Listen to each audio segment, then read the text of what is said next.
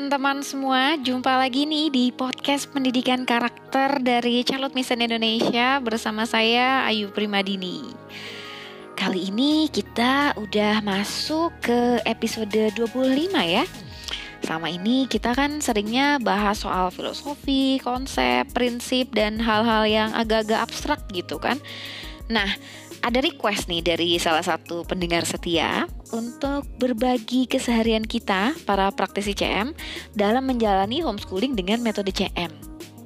Jadi, spesial hari ini saya bukan hanya ditemani oleh dua orang teman saya seperti biasanya, tapi tiga orang sekaligus. Siapa aja nih? Halo, ini ada saya Ellen Christie dari Semarang. Senang sekali bisa ngobrol rame-rame lagi seperti ini. Hai hai, saya Lili dari Surabaya. Nanti ikut nimbrung juga ya. Udah lama ya nggak berempat ya. Halo semuanya, apa kabar? Ketemu lagi dengan saya Maria Sugio di episode kali ini. Hari ini kita mau ngobrol-ngobrol santai aja ya seputar keseharian kita dengan segala kendalanya. Ya, walaupun udah paham filosofinya, tapi kita juga masih punya banyak kendala loh. Sama aja kayak ibu-ibu yang lain. Kalau nggak percaya, coba aja nih dengerin deh dua segmen berikut ini.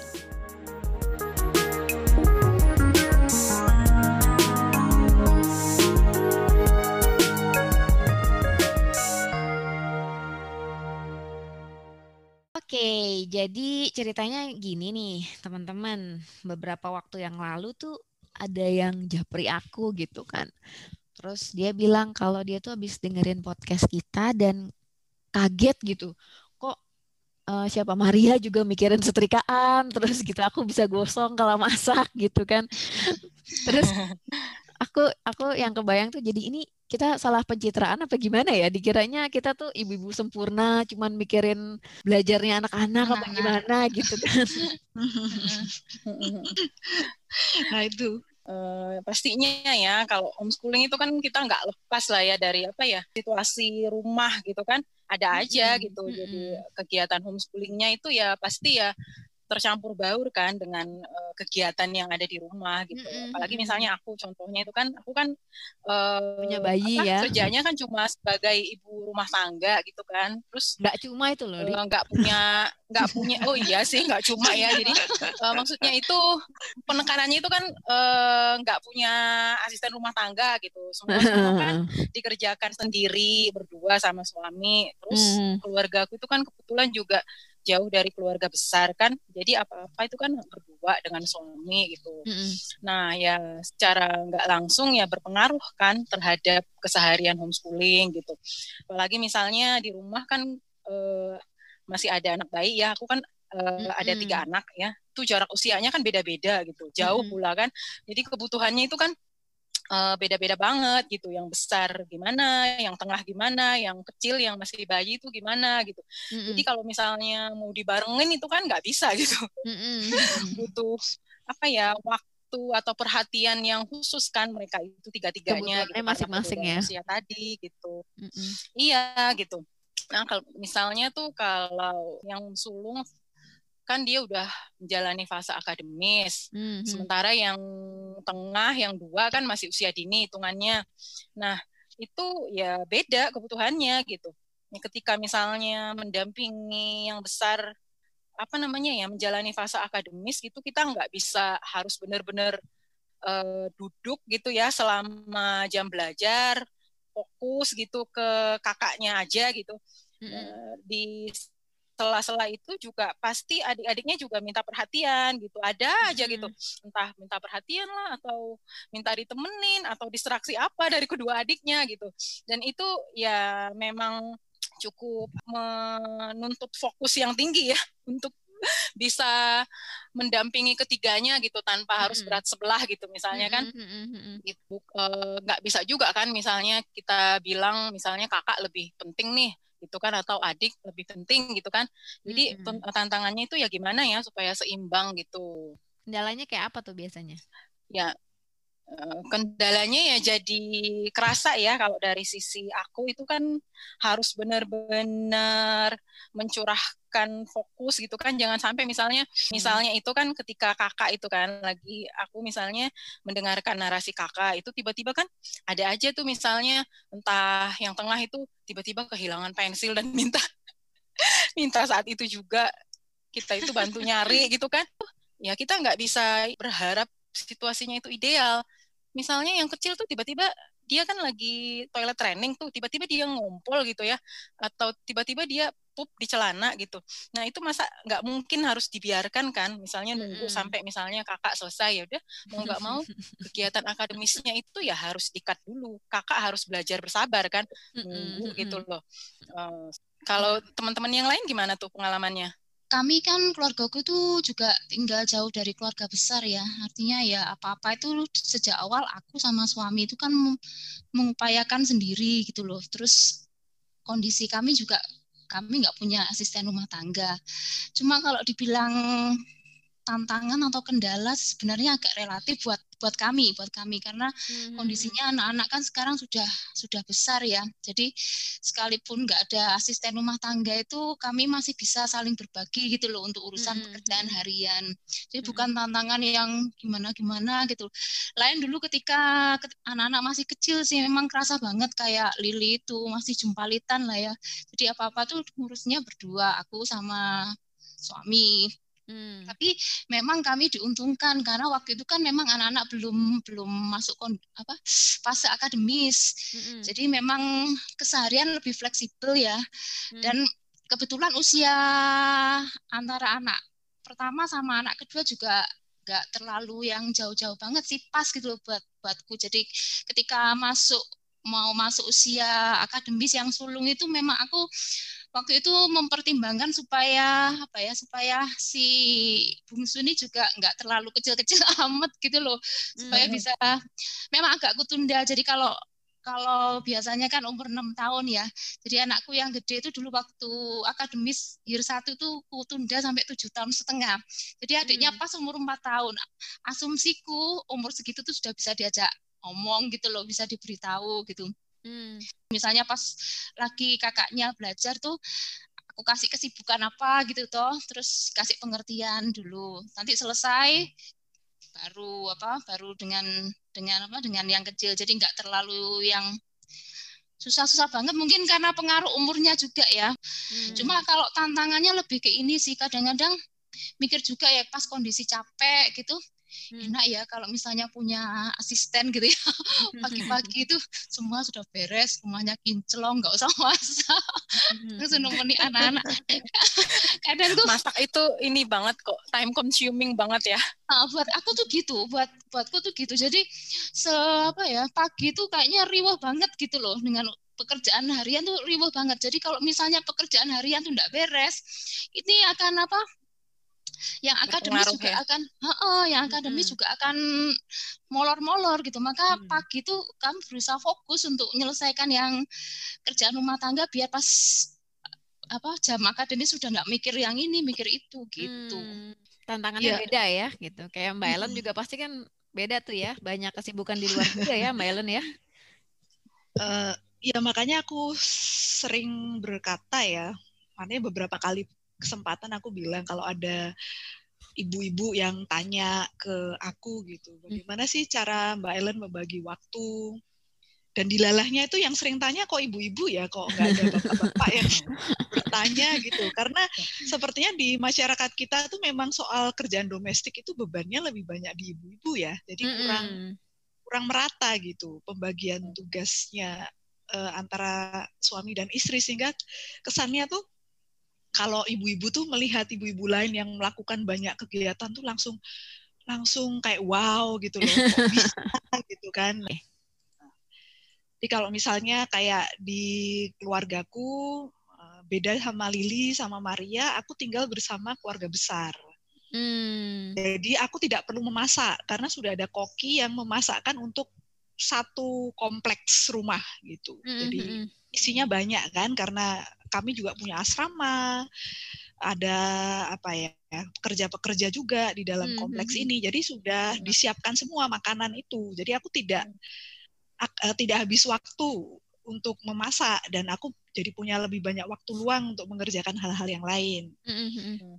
Uh, terus aku juga tidak mencuci karena sudah ada yang mencuci gitu. Mm-hmm. Jadi praktis keluargaku, keluarga inti, aku, suami dan tiga anak hanya membersihkan bagian petak rumah kami sendiri ya, tapi kami hmm. tetap ya nyapu, ngepel, um, ngosek kamar mandi, apa itu cuci piring dan sebagainya itu tetap urusan kami gitu hmm. kan.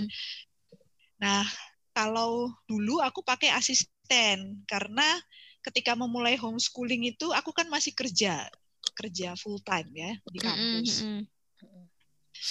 Nah, dan ada mertua juga yang harus di apa ya dijaga di rumah di, di dibantu segala, dilayani ya segala macamnya mm -hmm. itu sehingga tidak mungkin kalau tanpa asisten. Dan suamiku waktu itu ada di luar pulau malahan di luar kota atau di luar pulau. Jadi hanya pulang seminggu sekali. Tapi ya. kalau bicara kendala ya mbak maksudnya gimana tuh rasanya juggling? Mbak kan banyak luar kota gitu misalnya kan dulu kan sebelum pandemi gitu. Iya untuk banyaknya kegiatan memang aku terlibat di beberapa organisasi sehingga kendalanya ya bisa sewaktu-waktu ada urusan organisasi yang harus dikerjakan saat itu juga. Jadi misalnya harus audiensi dengan pejabat atau ada isu yang mendesak harus disikapi ya dan itu kadang-kadang harus nyusun press release, terus harus bikin dokumen-dokumen hukum dan sebagainya gitu kan. Kendalaku itu misalnya eh, aku dan suami kan sudah membagi tugas ya, misalnya aku mendampingi yang besar dan suamiku mendampingi sesi akademis untuk yang tengah. Hmm. Tapi terus suamiku punya agenda lain sehingga harus pergi dan kemudian bilang bahwa titip ya, uh, titip si Gandhi hmm. ya gitu. Jadi jadi kan aku harus menangani dua anak sekaligus untuk sesi akademis, jadi harus bolak-balik kan. Hmm. Jadi ini uh, harus yang tadinya aku hanya pegang Vima kan yang besar, terus habis itu aku harus ngecek juga kerjaannya yang tengah gitu. Jadi aku harus bagi waktu nih. Ini gimana ini gimana. Jadi harus kemudian rada akrobat gitu ya hmm. untuk untuk kemudian nata-nata waktu yang misalnya itu mendadak terjadi ada perubahan agenda kayak gitu. Hmm. Kalau yang kecil gimana tuh? Biasanya kalau Lili tadi kan punya masalah ya, misalnya uh, yang kecil tiba-tiba menuntut perhatian gitu. Yang kecil gimana tuh? Kalau yang problem yang mungkin menuntut perhatian yang lain itu misalnya ya kalau misalnya ada yang sakit walaupun itu jarang ya karena hmm. karena apa asal dijaga kesehatannya sebenarnya anak tuh relatif jarang sakit. Tapi kalau ada yang sakit kan berarti ad, uh, harus kita harus mengubah lagi uh, strategi untuk menjalani hari itu karena nggak mungkin kan misalnya kita lagi nungguin anak yang sakit uh, terus misalnya terus masih uh, harus fokus uh, ngawasin anak yang lain harus sesi akademis. Jadi kan mesti ada yang diubah gitu dalam pendekatannya. Ini mesti ada sih ya situasi-situasi tertentu itu yang ya yang kadang itu ya membuat apa ya di luar dugaan. keseharian yang sudah terbangun itu kan buyar gitu kan ya. Ya mm -hmm. seperti tadi sakit atau misalnya ketika uh, habis melahirkan itu kan itu kan situasi-situasi tertentu ya yang yang apa ya yang memang mau nggak mau punya kendala ataupun tantangan baru gitu loh dan kita uh, belajar lagi gitu. Aku sempat cuti panjang itu sesi akademis waktu hamil Terus anak yang ketiga ya. karena hmm. kehamilanku kan bermasalah untuk hmm. anak yang ketiga sehingga aku harus bed rest berbulan-bulan. Hmm. Nah itu uh, dan kondisi psikologisku agak terganggu ya waktu itu ya karena ada rasa tidak terima gitu ya pada situasi karena aku biasanya bisa melakukan apa-apa sendiri dan bisa ke mana-mana gitu. Terus aku harus di kasur gitu kan harus tinggal di rumah, nggak ke mana-mana, nggak bahkan berkegiatan pun nggak boleh yang berat-berat dan seterusnya itu aku sempet down juga secara Stres pasti ya. Merasa nggak berdaya ya. Iya, iya itu merasa perasaan kayak post power syndrome gitu. Jadi benar-benar yang ada ada sempat ini ya sampai nangis juga gitu kan ini kok uh, kok sulit sekali sih kehamilan yang ini gitu. Nah, dalam kondisi itu jadinya ya sesi akademis jadi kuliburkan cukup panjang waktu itu ya. Hmm.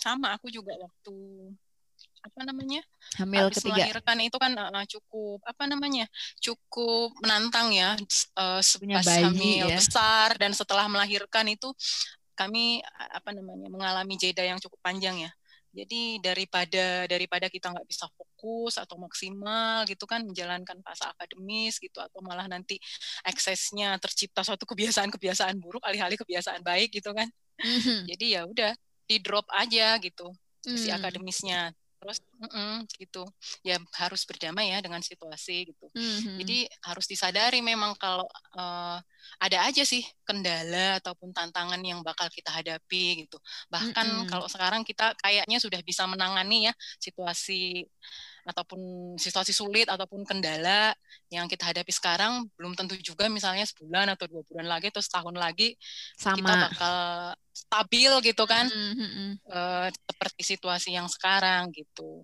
malah udah pasti berubah ya, nggak mungkin stabil. Iya. iya gitu, maksudnya kita harus sudah siap mental gitu loh. Kalau fase apa pun ya akan ada aja kendala ataupun tantangan yang akan datang gitu. Mm -mm. Iya, kayak aku sih, Aku tuh ini ya beda lagi ceritanya dari Lily, Maria dan Mbak Ellen gitu kayaknya. Hidupku tuh kayak berlayar di lautan gitu, serba tidak pasti. Gimana gimana? iya, karena di lautan. Uh, uh, iya aku juga bilang gitu. Jadi uh, soal suamiku itu kerjanya tuh proyek ya, by project gitu. Jadi dia sering sekali pindah, pindah kota, pindah ke sana, pindah ke kemari gitu. Dan karena dia itu cukup idealis ya. Jadi biasanya proyek-proyek yang dia tangani itu di pelosok gitu. Jadi mm. masalahnya aku tidak selalu bisa ikut dia ke mana pun gitu. Kadang-kadang ikut, kadang-kadang kalau misalnya memungkinkan aku ikut dia pindah ke satu kota, ke kota lain gitu. Tapi makin ke sini kan anak-anak makin besar, terus udah gitu pindahan itu kan capek ya, harus packing, unpacking gitu kayaknya wah uh, ini banget menguras energi dan waktu sekali gitu. Belum kalau misalnya setiap habis pindahan kan kita harus ini ya nyesuaiin lagi dengan ritme gitu, ritme baru lagi, adaptasi lagi dengan situasi baru. Belum harus beres-beres lagi kayak gitu-gitu. Nah, akhirnya dalam berapa tahun ya aku 13 tahun pernikahan itu uh, dua-duanya berjalan lah. Kadang kadang ada satu masa di mana agak jauh dari suami kadang satu masa di mana kita uh, bareng tapi aku repot pindahan sana sini gitu. Jadi uh, hmm. di di inilah di di mix gitu kondisinya. Belum lagi terus aku juga nggak pernah yang full time jadi ibu rumah tangga gitu selama ini belum pernah sih ya. Aku selalu punya kerjaan lain gitu entah itu ada kerjaan freelance gitu dari mana gitu atau sibuk di organisasi gitu. Jadi udah kondisinya baru pindah di satu tempat atau lagi jauh dari suami tapi harus juggling dengan tugas rumah tangga, harus juggling juga dengan akademis anak-anak gitu. Nggak nggak nggak punya ART juga biasanya gitu. Jadinya ya gitulah gitu kondisinya semuanya uh, harus ditangani gitu kan ya. Kadang-kadang kan uh, idealis gitu kan. Wah, kalau beli makanan terus tuh kan mahal terus nggak sehat oh berarti harus masak sendiri gitu kan. Sementara harus nemenin anak-anak akademis juga gitu. Aku punya dua anak dua-duanya aku tangani kan akademisnya sama aku semuanya. Gitulah jadinya. Kadang-kadang uh, sampai ini ya sampai lupa makan gitu. Ibunya yang lupa makan. Aku pernah loh jadi pas anak-anak kecil gitu ya masih kecil gitu. Terus sore-sore gitu aku ah, tanganku kok gemeteran ya? Kenapa ya aku udah parno gitu. Kan ini kenapa? Tanganku gemeteran. Terus aku ingat-ingat ya ampun aku ternyata belum makan. Iya belum makan dari pagi gitu. Gitulah ya. Emang uh, tantangan lah ya. Iya, tantangan Jadi ya. ibu homeschooler apa juga apa ngurusi rumah itu juga memang tantangannya besar sih. Makanya mm -hmm. kalau ada orang nanya ya, kamu kok nggak bisa gemuk gitu ya? Aku tuh heran ya. Kayak tetap gemuk sih, Mar. Kenapa? Kenapa? Aku tetap gemuk sih. kok dihubungkan gitu. dengan kegemukan? Iya kan biasanya ibu-ibu itu kan sudah anu tuh berisi gitu ya. Terus hmm. lihat aku, kamu kok nggak pernah gemuk dari dulu gini-gini aja. Aku juga heran ya, tapi aku pikir setiap hari jumpa litan tuh lumayan juga sih meng, apa, bikin badan. Membakar kalori. Membakar kalori. iya, iya. Tapi emang sebenarnya kalau cerita keseharian dan kendala kita emang nggak ada habisnya ya, karena kan sebenarnya tiap hari selalu ada masalah baru gitu anak-anak terus bertumbuh terus sudah gitu kita kondisinya juga berubah-ubah gitu. Meskipun kayak kalian yang kondisinya mungkin di tempat yang sama terus tapi kan pasti ada aja kan kondisi-kondisi yang emang berubah gitu kan. Gak mungkin stabil terus gitu kayak tiba-tiba punya bayi tiba-tiba hamil atau tiba-tiba apa gitu kan. Ada aja kondisi-kondisi yang emang berubah gitu ya kalau kata suamiku itu kita jadi orang tua itu emang nggak pernah bisa expert gitu kan. Karena ya perubahan itu terus terjadi gitu. Tantangan baru itu selalu ada gitu. Jadi kita perlu menaklukkan tantangan-tantangan itu selalu gitu kan. Nah, jadi abis ini nih di segmen 2 nanti kita cerita-cerita ya tentang gimana sih menangani kendala-kendala yang kita alami tadi.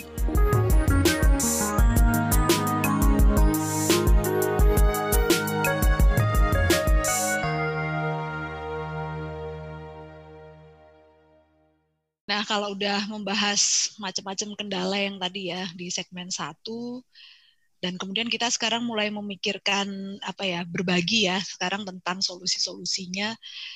Kalau aku pribadi beranggapan bahwa sebetulnya kembali lagi ke pemikiran CM untuk manajemen waktu ini kan masalah teknis ya, masalah how gitu. Mm -hmm. Tetapi uh, teknis itu pasti nggak bisa sama untuk setiap orang. Bahkan untuk satu orang pun dengan kalau situasinya berubah, teknisnya akan berubah gitu. Pembagian waktu hariannya pasti berubah. Jadi sebenarnya penting kalau kita uh, ingin merumuskan bagaimana cara saya harus mengelola waktu hari ini, penting untuk melihat why-nya kita ya. Jadi apa alasan kita untuk memilih kesibukan-kesibukan kita sepanjang hari ini supaya kita paham bagaimana meletakkan prioritasnya dalam keseharian. Uh, jadi misalnya aku gitu ya, uh, aku pikir ketika membagi waktu itu mesti kita berangkat dari apa yang kita tahu sebagai misi kita dalam kehidupan gitu. Jadi misalnya uh, dalam perjalanan hidupku kan aku menemukan beberapa panggilan gitu ya untuk yang membuat aku kemudian terlibat dalam berbagai organisasi. Nah, aku melihat bahwa urusan-urusan yang diperjuangkan lewat organisasi-organisasi ini bukan berarti selalu lebih penting atau kalah penting dari anak ya. Jadi makanya ini kembali lagi ke prinsip dasar pendidikan CM bahwa pada dasarnya pusat kehidupan kita itu kan kebenaran, Tuhan, hukum gitu. Jadi bukan anak. Jadi kalau di aku pribadi misalnya hari itu tiba-tiba ada informasi ya, ini ada ada isu penting nih harus disikapi hari ini gitu. Dan aku harus pergi keluar kota untuk itu. Maka ya langsung saja aku atur, oke, okay, selama aku pergi, aku akan pergi berapa hari dan itu berarti selama itu anakku akan didampingi siapa dan harus melakukan apa itu langsung ku atur. Nah itu akan sangat membantu ya sebetulnya uh, buat aku sebagai ibu dan mungkin ibu-ibu yang lain juga karena ada kalanya kita merasa bersalah gitu kan kalau meninggalkan anak gitu untuk pekerjaan-pekerjaan lain. Nah, ketika kemudian eh, kita menjadi jelas tentang mengapa ini penting untuk saya kerjakan, mengapa ini harus saya prioritaskan dalam tuh saya ini, maka kita akan bisa tidak ada hambatan psikologis gitu loh untuk kemudian mengatur berarti anak saya untuk sementara harus didampingi oleh yang lain dan harus melakukan sesuatu tanpa saya. Misalnya seperti itu sih uh, hmm. contoh dari aku gitu ya. Setuju sih sama Mbak Ellen. Jadi pertama-tama itu kan kita mesti punya visi kan ya kenapa kok kita melakukan semua ini gitu kan. Nah terus kita kan harus paham ya tujuan besarnya gitu kan. Misalnya uh, mau berlelah-lelah ataupun jumpalitan juggling sana sini gitu kan mm-hmm. mendampingi anak-anak belajar gitu kan. Itu kan karena kita paham ya pentingnya gitu kan uh, pendidikan karakter ini adalah tugas kita gitu sebagai orang tua kan ini amanat dari Tuhan dan masyarakat gitu kan kalau kata CM juga gitu kan. Jadi komitmen kita ini tuh ada gitu loh yang menghidupinya yaitu visi dan uh, tujuan besar kita tadi gitu. Jadi kalau misalnya sehari-hari kita menghadapi, kendala ataupun ada uh, tantangan teknis gitu, ya kita bisa inilah berpikir untuk cari solusi gimana gitu kan. Misalnya kalau kondisiku itu uh, komitmen untuk menjalani homeschooling ini kan ya itu bukan cuma urusan ibu-ibu kan sebetulnya gitu kan kan urusan keluarga gitu. Uh, jadi kebetulan suami juga pasca aku hamil berat waktu hmm. hamilnya Raya itu kan dia uh, berkomitmen untuk kerja dari rumah jadi sebelum pandemi udah memang udah kerja dari rumah gitu hmm. uh, dia paham uh, situasinya kalau aku tuh ya nggak bisa sendiri menjalani semuanya ini gitu loh keseharian itu apalagi kita hmm. kan udah komit juga nggak pakai ART gitu nah akhirnya ya mau nggak mau ya berbagi peran kan dengan uh, suami gitu. Jadi suami juga turun tangan misalnya uh, dalam uh, mengerjakan pekerjaan domestik itu ya hal yang biasa di rumah kami. Anak-anak juga terlibat gitu. Jadi sebagai keluarga gitu kan mengurus keseharian dan mengurus rumah tangga itu semuanya anggota keluarga itu dilibatkan gitu. Uh, contohnya misalnya kalau kami tuh ada kebiasaan uh, yang udah lama terbangun ya, misalnya gotong royong pagi gitu. Nah itu semuanya itu udah tahu kewajibannya itu kalau pagi-pagi itu gimana gitu, termasuk hmm. suami misalnya itu udah kebagian kalau uh, kalau dia misalnya belanja ataupun masak gitu ya untuk orang serumah itu hal yang biasa di rumah gitu. Atau aku misalnya uh, kebagian bersih-bersih gitu, anak-anak kebagian apa yang dia bisa lakukan misalnya beres-beres dan lain-lain gitu itu sudah sudah paham gitu polanya itu dibangun selama uh, proses yang panjang gitu misalnya pagi-pagi kan kami juga ada uh, prioritas yang penting menurut keluarga kami misalnya harus ada outdoor time gitu kan mm-hmm. uh, nah itu jadi sebelum outdoor time itu ya harus sudah beres semua gotong royong pagi ini gitu mm-hmm. jadi urusan uh, apa namanya bersih-bersih, masak itu harus sudah beres semua gitu. Dan mm -hmm. nanti juga kalau waktunya akademis sudah nggak mikirin itu juga gitu. Uh, urusan domestik gitu kan. Jadi paling ada urusan-urusan kecil seperti yang tadi misalnya anak tiba-tiba pipis atau tiba-tiba ngompol. Nah, itu kebetulan kan karena suami kerja di rumah, jadi dia juga udah paham sih kalau misalnya aku lagi nggak bisa dikat dengar narasi gitu kan, kalau dia lagi available dia langsung sigap misalnya nyebokin bayi gitu kan. Atau ya dia misalnya si adik tadi yang udah dilatih nunggu misalnya oh iya kakak uh, bundi misalnya baca dulu ya sama kakak sama yang tengah gitu ya. Nanti giliran adik biasanya kan biasa ya anak-anak itu pengen rebutan kakaknya pengen dibacakan dia juga pengen gitu kan. Itu kan harus bergiliran. Secara pilihan bukunya juga kadang-kadang kan nggak sama gitu mm -hmm. selera itu itu nah mm. udah gitu ya suami udah paham sih. Jadi kalau misalnya dia lihat aku lagi fokus mendampingi anak yang tengah gitu kan, mem memperhatikan ya ya udah sini sama ayah gitu misalnya dia udah paham gitu hmm. jadi karena dia udah kerja di rumah juga dia juga bapak yang juggling juga gitu loh bapak yang sikap gitu loh maksudnya ya harus mau nggak mau ya gitu karena kita juga sudah komitmen kan ya Uh, Iya komitmen dari awal gitu. Jadi solusinya Terus, memang itu ya Lia, uh, bagi tugas dan suami turun tangan ya. Iya berperan. Artinya juga butuh gitu. ada relasi atau komunikasi yang clear ya dengan suami ya. Betul Mbak. Jadi uh, kalau di rumah itu misalnya uh, kan kita outdoor pagi-pagi, jadi suami itu udah ada sih komunikasi sebelumnya. Jadi kalau misalnya uh, suami loadnya pekerjaan uh, banyak gitu kan, dia ini, yaudah kamu yang masak ya gitu. Aku outdoor sama anak-anak gitu kan.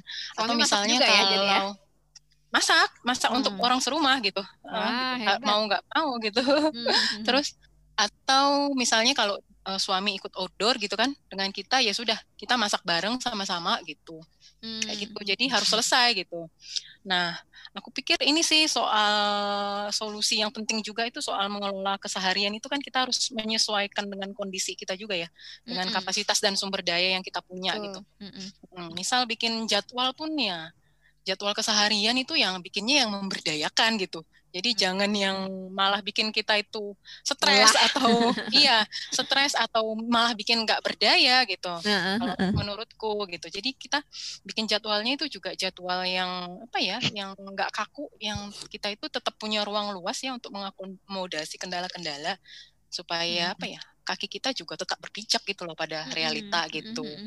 Realistis nih penting Ada, sih menurutku. Ada kalanya itu idealis idealis tapi kemudian nggak ngitung sumber daya gitu loh. Iya betul. Mm-hmm. Jadi misalnya idealisme nggak pakai ART kayak Lili kan udah jelas tuh idealisme nggak pakai ART.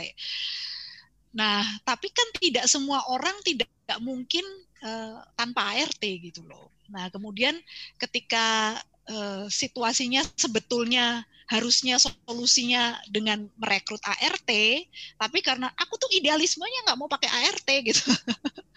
terus akhirnya stres sendiri gitu kan nah menurutku itu itu yang harus harus dicek sebenarnya prinsipnya apa yang yang sedang dipertahankan itu apa. Nah itu harus harus clear banget. Akhirnya nggak ketemu gitu loh antara tuntutan realitas dengan uh, ekspektasi. Nah di situ kan sebenarnya menurutku setiap kendala itu adalah undangan bagi kita untuk merefleksikan apa sebetulnya yang paling penting untuk diprioritaskan pada saat ini. Nah, kalau itu kaku gitu ya, kalau kita pegangnya secara kaku suatu patokan teknis sebagai prinsip gitu, maka kemudian eh, kita tidak akan bisa eh, ketemu solusinya untuk situasi yang misalnya sangat berubah total gitu kan. Itu sih uh, aku berpikir sama ini juga sih Mbak. Uh, kadang-kadang kan uh, setiap pilihan memang ada resiko ya. Nah, hmm. resiko dari setiap pilihan itu kan memang yang perlu kita timbang ya. Uh, hmm. Kalau misalnya kita memilih jalan A, resikonya apa? Pilih jalan B, resikonya oh. apa? Gitu kan? Itu yang harus kita timbang nih. Misalnya uh, kita mau pakai ART atau tidak pakai ART gitu apa sih resikonya kalau pakai ART? Apa sih resikonya nah. kalau nggak pakai ART gitu kan? Terus kira-kira kalau masing-masing resi dari masing-masing resiko itu mana sih yang kira-kira kita bisa tolerir resikonya gitu kan? Itu yang mesti kita pertimbangkan juga sih kan? Iya, iya. ada harga yang harus dibayar lah ya betul, intinya betul, ya. Betul, betul. Kalau nggak mau pakai ART, Uh, pasti akan lebih capek gitu loh untuk mengurusi kerjaan domestik dan mm -hmm. menurutku sangat tidak konsisten ketika orang berprinsip aku nggak mau pakai ART tapi kemudian ketika capek ngurusin kerjaan domestik kemudian kesel gitu loh. Tapi kadang-kadang ini sih mbak, maksudnya kadang-kadang uh, orang memilih tidak punya ART itu juga uh, faktor yang tidak bisa dipilih gitu dalam arti mungkin keuangannya terbatas gitu kan banyak kan oh mungkin oh, iya, ada iya. yang secara keuangan terbatas sehingga dia tidak punya ART itu bukannya pilihan memang karena tidak tidak bisa memilih dia harus tidak punya ART gitu. Iya iya. Kalau soal itu itu jelas ya kalau nggak ada pilihan itu berarti nggak nggak bisa diapa-apain gitu. Betul, Tapi harus berdamai dengan orang yang sebetulnya solusinya. punya pilihan, mm-hmm. tetapi kemudian memilih untuk tidak pakai, mm-hmm. tetapi kemudian ketika uh, mendapatkan beban kerja tertentu gitu uh, yang berat memang, lalu kemudian apa ya mengeluhkan harga yang harus dibayar gitu loh. Iya, memang gitu sih ya. Ada harga atau konsekuensi dari pilihan ya. Mm Gitu. Ya misalnya kayak kayak kami gitu kan, ya nggak nggak pakai ART itu ya konsekuensinya ya semua harus turun tangan gitu. Tapi nilai plusnya uh, rasa gotong royong di rumah jadi terbangun ya Lia. Uh, iya gitu gitu. Artinya sebenarnya saat kita merasa kita tidak punya pilihan itu sebenarnya kita punya pilihan untuk menerima atau tidak menerima ya gitu iya. kan artinya hmm, ketika ketika kita menerima bahwa oke okay, ini memang jalan hidupku ya udah kita terima itu kan itu pun pilihan ya atau kita mau marah-marah gitu dengan kondisi seperti itu gitu kan itu tetap iya, pilihan ya, gitu. ya ya berefleksi lah misalnya kalau ya, Ayu okay. gimana tuh kalau aku sih dari dulu sebenarnya memang punya cita-cita jadi ibu rumah tangga yang berkarya gitu. dari dulu tuh kalau ditanya zaman-zaman kuliah gitu, kamu mau ngapain tuh yuk? Aku cita-citanya jadi ibu rumah tangga yang memang bisa berkarya gitu. Jadi bisa membesarkan anak tapi sekaligus bisa mengkontribusikan diriku untuk kepentingan yang lebih besar gitu. Terus juga kebetulan suamiku cukup pengertian ya karena dia tahu kalau misalnya aku cuman sibuk ngurusin rumah tangga aja itu aku malah stres gitu karena kalau ngurusinnya satu hal sama terus gitu aku cenderungnya malah jenuh gitu ya. monoton gitu. ya jenuh gitu terus lebih wah lebih cepat marah lah apa gitu jadi kalau suamiku malah seneng gitu lihat aku punya kesibukan lain gitu. entah itu kerja entah itu apa kerja kerja sosial atau apalah gitu. Uh, kenapa aku tadi ya cerita juggling dengan segala macam uh, kesibukan gitu? Ya karena memang itu pilihanku gitu dan memang aku bahagia juga menjalani itu gitu. Karena kan aku pikir uh, aku punya tugas ya sebagai manusia gitu untuk berkontribusi pada sesuatu yang dibutuhkan masyarakat. Tapi di satu sisi juga aku punya tugas untuk membesarkan anak-anakku nah um, solusinya jadinya akhirnya dari sejak kecil anak-anakku tuh terbiasa untuk uh, memahami ya memahami pekerjaan mamanya gitu jadinya. Jadi dulu tuh waktu anak-anak kecil ya aku bawa anak-anak ke mana-mana gitu. Kadang-kadang sampai keluar kota atau aku ada rapat atau apa gitu mereka aku bawa. Kadang-kadang ada kerjaan mereka aku bawa gitu. Kadang-kadang ada yang bisa dititipin sih gitu.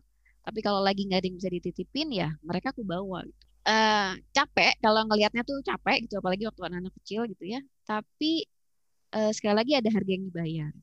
Harga yang dibayar itu adalah uh, anak-anak ini jadi tumbuh dengan uh, apa ya? Mereka punya empati juga, empati yang tinggi dan mereka sangat memahami gitu. Mamanya tuh lagi ngapain gitu, mereka paham. Gitu. Kayak kayak misalnya si anakku yang gede ini waktu kecil dia pernah dia lagi demam tinggi gitu kan. Terus udah gitu, mm -hmm. aku ada kerjaan yang memang nggak bisa aku tinggal gitu dan kerjaan ini penting. Terus aku bawa dia ke kantor, terus di kantor itu kan kebetulan ada kayak kamar gitu terus kamar terus aku tinggal di situ aku tungguin dulu terus habis itu dia bisa bilang mama mama rapat aja aku nggak apa-apa tinggalin minuman di situ tinggalin makanan di situ gitu oh benar nggak apa-apa hmm. nggak apa-apa gitu jadi mereka dari kecil kebiasaan mengerti gitu.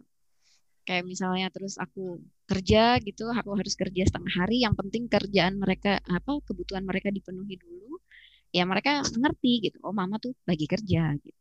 Jadi uh, akhirnya aku memikirkan bahwa itu semua capek itu semua repot gitu. Tapi kalau melihat melihat hasil yang didapatkan aku jadi merasa merasa ini ya merasa tidak sia-sia gitu melakukan hal-hal yang kulakukan itu. gitu. Karena hmm. mereka juga jadi bisa tidak tidak sekedar memenuhi egonya aku pokoknya maunya mama di sini terus gitu. Nggak nggak nggak sekedar kayak gitu tapi mereka juga paham bahwa dunia tidak berputar pada diri mereka semata gitu. Kayak mbak Ellen bilang tadi gitu kan.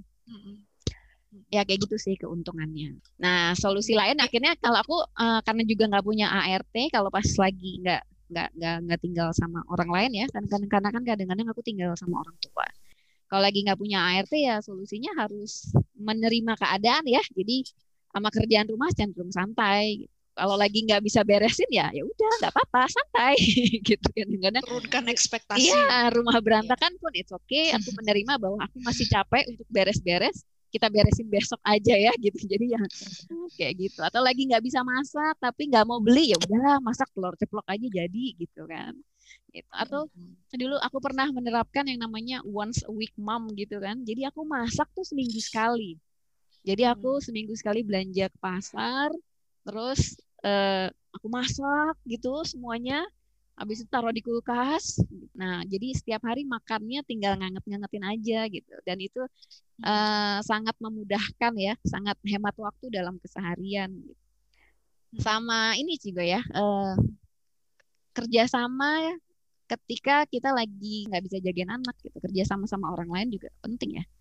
Kayak, mm -mm, mm -mm, jadi misalnya kayak aku kadang-kadang kan sama orang tua, terus walaupun anak-anak dititipin nenek kakeknya tapi nenek kakeknya tuh paham aturanku sebenarnya apa.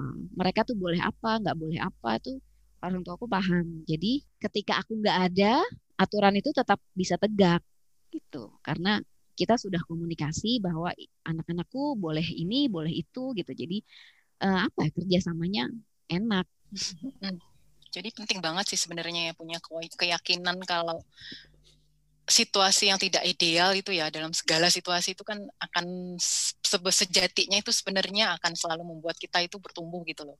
Mm -mm, mm -mm, ya. Benar gitu. banget itu Li. Mm -mm. Menurutku apa ya paham dengan apa dengan prinsip dengan keyakinan dengan visi yang akan kita jalani itu membantu kita untuk tetap punya komitmen ya. Karena kan ada waktunya ketika kita menjalani hidup itu kita itu kayak top down lah ya suasana hati gitu kan. Ada situasi tertentu tiba-tiba kita kayak apa ya entah lelah entah jenuh gitu toh. Tapi mm -hmm. ketika kita punya pegangan tadi ya kita kembali lagi kenapa sih kita tuh mau menjalani ini? Itu akan membangkitkan semacam komitmen jadi dalam hati itu. Jadi misalnya kayak contoh contoh di aku ya kayak anak-anak homeschooling ini kan memang itu sudah pilihan yang kami apa kami pilih sendiri aku sama suami. Nggak ada orang lain yang nyuruh gitu kan. Dan kami sudah tahu kenapa kami memilih ini. Kenapa ini penting untuk kami. Itu tuh kami sudah sadar benar. Jadi ketika ada masalah ada tantangan ketika capek ketika dalam kondisi-kondisi yang buat tiba-tiba down gitu ini ini akan sangat mem, apa ya membakar semangat loh loh ini sudah dipilih sendiri kok masa hmm. sih aku harus mengeluh masa aku harus apa uh, putus di tengah jalan hanya karena tiba-tiba aku aku aku suasana hatiku yang nggak nyaman gitu loh nah hmm. akhirnya kan ketika ingat itu mikirnya memang ke solusi bukan wah ini sudah sudah seperti inilah aku tak berhenti sini. Enggak tapi solusinya apa ketika ada tantangan ini gitu. Hmm. dan memang tantangan akhirnya membuat kita semakin bertumbuh. Masalah-masalah ini membuat kita semakin bertumbuh. Jadi setiap kali kita menghadapi masalah kita teringat pada visi tersebut ya. Oh, oh betul. Sama Dan, ini ya. sih aku boleh nambahin Hmm. Kalau aku ngerasa itu ya pada titik tertentu kita apa ya merasa kayak tadi Maria bilang jenuh atau ada eh, masa-masa kita itu merasa nggak berdaya itu ya selalu ingat sih kalau apa ya untuk berdoa yang banyak gitu loh bersandar nah, sama ya, Tuhan betul. gitu. Hmm. Kalau kita itu kan sebetulnya menjalankan peran mendidik ini gitu loh ya atau menjalankan peran-peran lain di uh, di komunitas entah di masyarakat itu kan kita nggak sendirian gitu loh. Betul betul. Ya, Tuhan membebankan itu ke kita itu ya sekaligus ya kita akan dimampukan itu sih. Jadi aku berdoa Betul. banget selalu kalau dalam titik-titik tertentu tuh ya supaya dimampukan gitu. dari Tuhan Tuhan sebagai apa ya sumber dari segala sumber kekuatan yang aku yakini gitu ya mm-hmm. ya gitu sih dan penting ya ketika kita menerima masalah itu akhirnya kan merasa bahwa oh ini adalah sesuatu hal yang wajar wajar dalam arti mm-hmm. uh, semua orang pernah kok mengalami titik-titik seperti ini gitu ya jadi kita bisa mm-hmm. kemudian menerima kondisi tersebut dan kita bisa berpikir lebih solutif gitu kalau kata mm-hmm. Bejo kan hal yang manusiawi lah gitu Iya dan ini sih uh, tetap ada dua pilar ya, ada dua pilar untuk membuat kita berhasil melakukan sesuatu. Yang pertama kan pengetahuan, yang kedua dukungan. Gitu. Mm. Nah, jadi soal mengelola waktu ini uh, niat baik saja tidak cukup gitu. Keinginan baik saja tidak cukup. Semua hal di bawah kolong langit ini kan ada ilmunya, termasuk soal mengelola waktu. Mm-hmm. Jadi memang perlu kita ya belajar juga tentang teknik-teknik mengelola waktu, ilmu-ilmu dasar tentang mengelola waktu, sehingga kita bisa mengaplikasikan mana yang yang akan membantu kita gitu dalam keseharian. Misalnya kalau di dalam uh, keseharian itu yang sering aku terapkan itu metode blocking ya. Jadi uh, kalau pikiran kita itu terlalu sering meloncat-loncat tuh kan sebenarnya kita akan habis terlalu banyak energi. Maka lebih baik blocking. Jadi blocking jam sekian sampai jam sekian tuh sesi akademis. Blocking jam sekian sampai jam sekian tuh untuk bersih-bersih blocking jam sekian sampai jam sekian itu baca buku. Misalnya kayak gitu. Melatih habit of attention um, juga ya. memudahkan kita lebih smooth gitu dalam keseharian kita. Terus pentingnya ada rutinitas dalam keseharian. Terus kalau kita tahu bahwa buat seorang ibu yang punya banyak peran seperti kita penting bagi kita untuk menjaga kewarasan mental maupun kesehatan fisik gitu ya. Maka berarti di dalam sehari itu mesti nantinya kita harus kita atur juga supaya itu uh, terkelola gitu ya. Nah itu nanti kalau kita bicara topik mother culture, mesti uh, pengelolaan fisiknya bagaimana, kemudian asupan akal budinya bagaimana, dan dan lain-lain. Terus habis itu faktor dukungan juga menurutku penting ya. Tadi kan suami, pasti itu berarti kita harus komunikasi dengan suami dan tidak sungkan-sungkan untuk membahas mana yang bagian kita dan mana yang kita minta suami yang juga ikut bagian di dalam dalam kerja-kerja domestik seperti itu. Terus habis itu orang-orang sekitar ya dan terutama kalau buat ibu bekerja itu asisten itu ha harus sangat diperhatikan gitu. Karena CM sendiri kan mengatakan bahwa kamu jangan apa jangan sembarangan milih asisten gitu kan. CM sendiri kan udah ngasih amaran kayak gitu gitu. Karena uh, kita bisa menyerahkan anak kita kepada orang yang malah mentransfer karakter buruk gitu kepada mereka. Nah ini berarti kita mesti menyiapkan faktor sistem support sistem kita juga termasuk sampai ke siapa yang mengasuh anak kita ketika kita misalnya harus melakukan pekerjaan-pekerjaan yang uh, kita jauh dari anak-anak apa yang harus dilatihkan kepada mereka. Nah, itu kita kita perlu atur gitu. Karena dari pengalamanku sih itu penting banget gitu kita mentraining asisten kita untuk tahu standar kita itu maunya se seberapa gitu. Mm -mm. Tapi kalian semua pada belum pada nggak pakai asisten ya? uh, uh.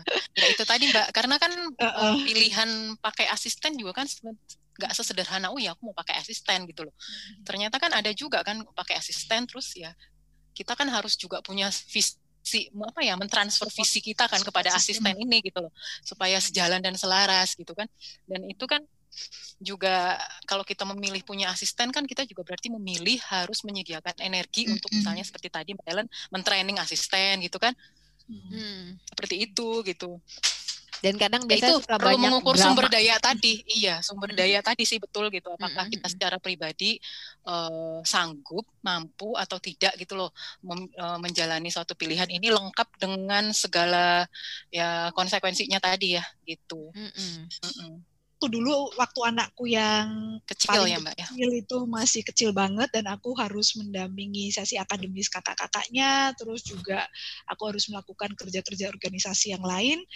Ya asisten itu sangat membantu gitu untuk kemudian berbagi tugas denganku sementara aku mengerjakan hal lain yang juga tidak bisa ditinggalkan dan dia bisa menemani anakku bermain eh, membantu rutinitas anakku menjalankan rutinitasnya eh, tapi ya itu mesti investasi waktu untuk melatih dia.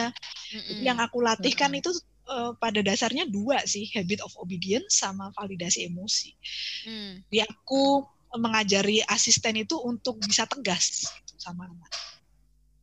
Karena ada kalanya uh, orang tua atau ibu itu merekrut asisten, tapi kemudian asistennya tidak betul-betul dikasih otoritas gitu ya untuk uh, mendisiplin anak gitu. Jadi misalnya uh, anaknya berperilaku sulit gitu ya, nanti asistennya sebentar-sebentar datang gitu. Bu, ini anaknya nggak mau makan. Bu, ini anaknya nggak mau ini kayak gitu. Akhirnya terus si ibu nah, yang itu menguras energi tuh. Turun tangan lagi itu kan buat apa punya asisten kalau seperti itu. Jadi kalau aku sudah merekrut asisten, maka aku training dia. Kamu kamu punya otoritas atas anak asal aturannya begini. Hmm. Jadi asistenku dulu sama anakku berani. Jadi anakku misalnya nggak mau makan bilang ini waktunya makan. Jadi itu asistenku berani seperti itu dan nggak perlu lapor aku kalau kayak gitu. Iya. Nah, itu sangat membantu ya. Jadi benar-benar aku jadi kayak punya perwakilan gitu jadi apa ya Tuhan mewakilkan padaku aku mewakilkan pada asisten.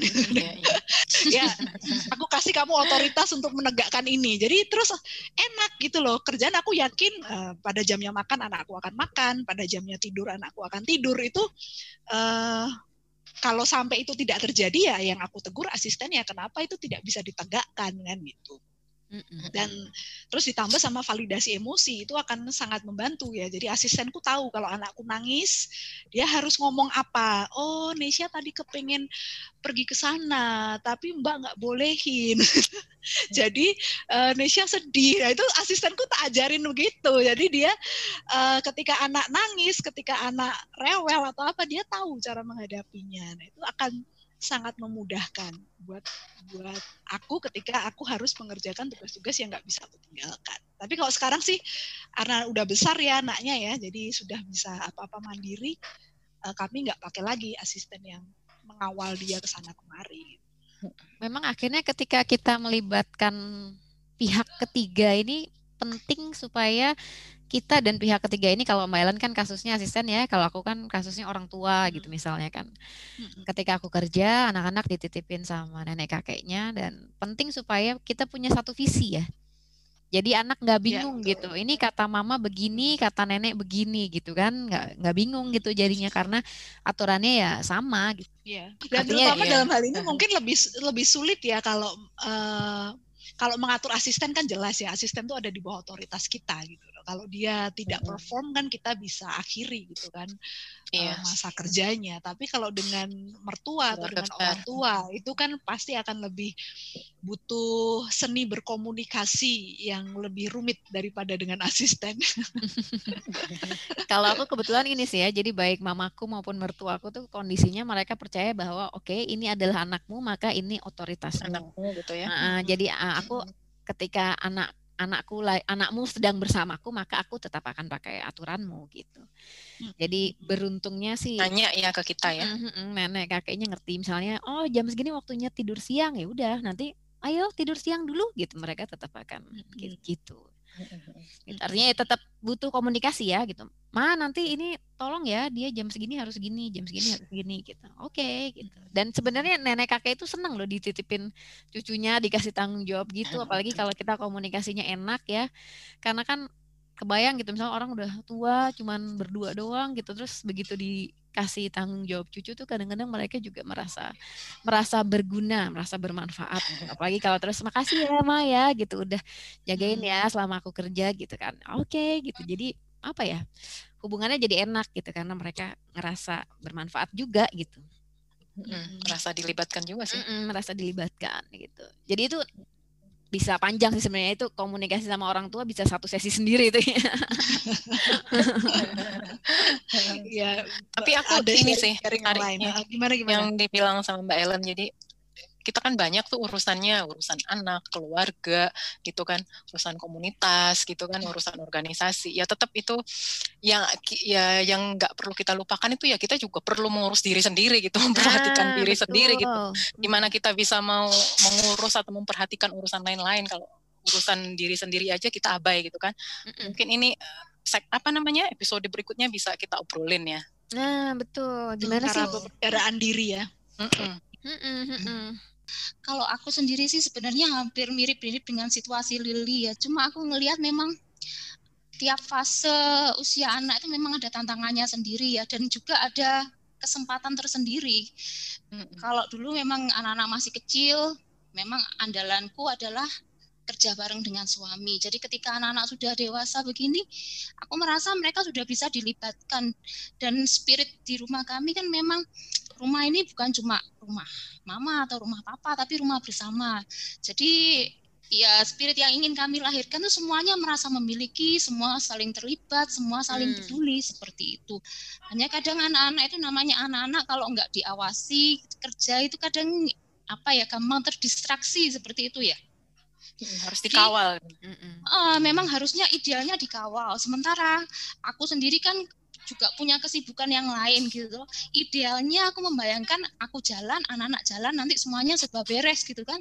Ternyata enggak gitu. Jadi udah agak siang kok enggak selesai-selesai semua. Lalu jam studi jadi molor. Awalnya aku mikirnya ini gimana ya aku rombak-rombak jadwal. Ternyata masalahnya bukan di situ. Aku mikir ini yang harus diperbaiki adalah soal fokus gitu kan. Kerja itu lebih fokus. Dan memang akhirnya yang dikembangkan adalah itu apa kebiasaan untuk fokus. Ternyata benar ketika itu diperbaiki semuanya bisa membaik dengan sendirinya. Maka aku pikir tantangan-tantangan pun sebenarnya bisa apa ya menjadi peluang untuk bertumbuh. Ais, nyari kata peluang nggak susah.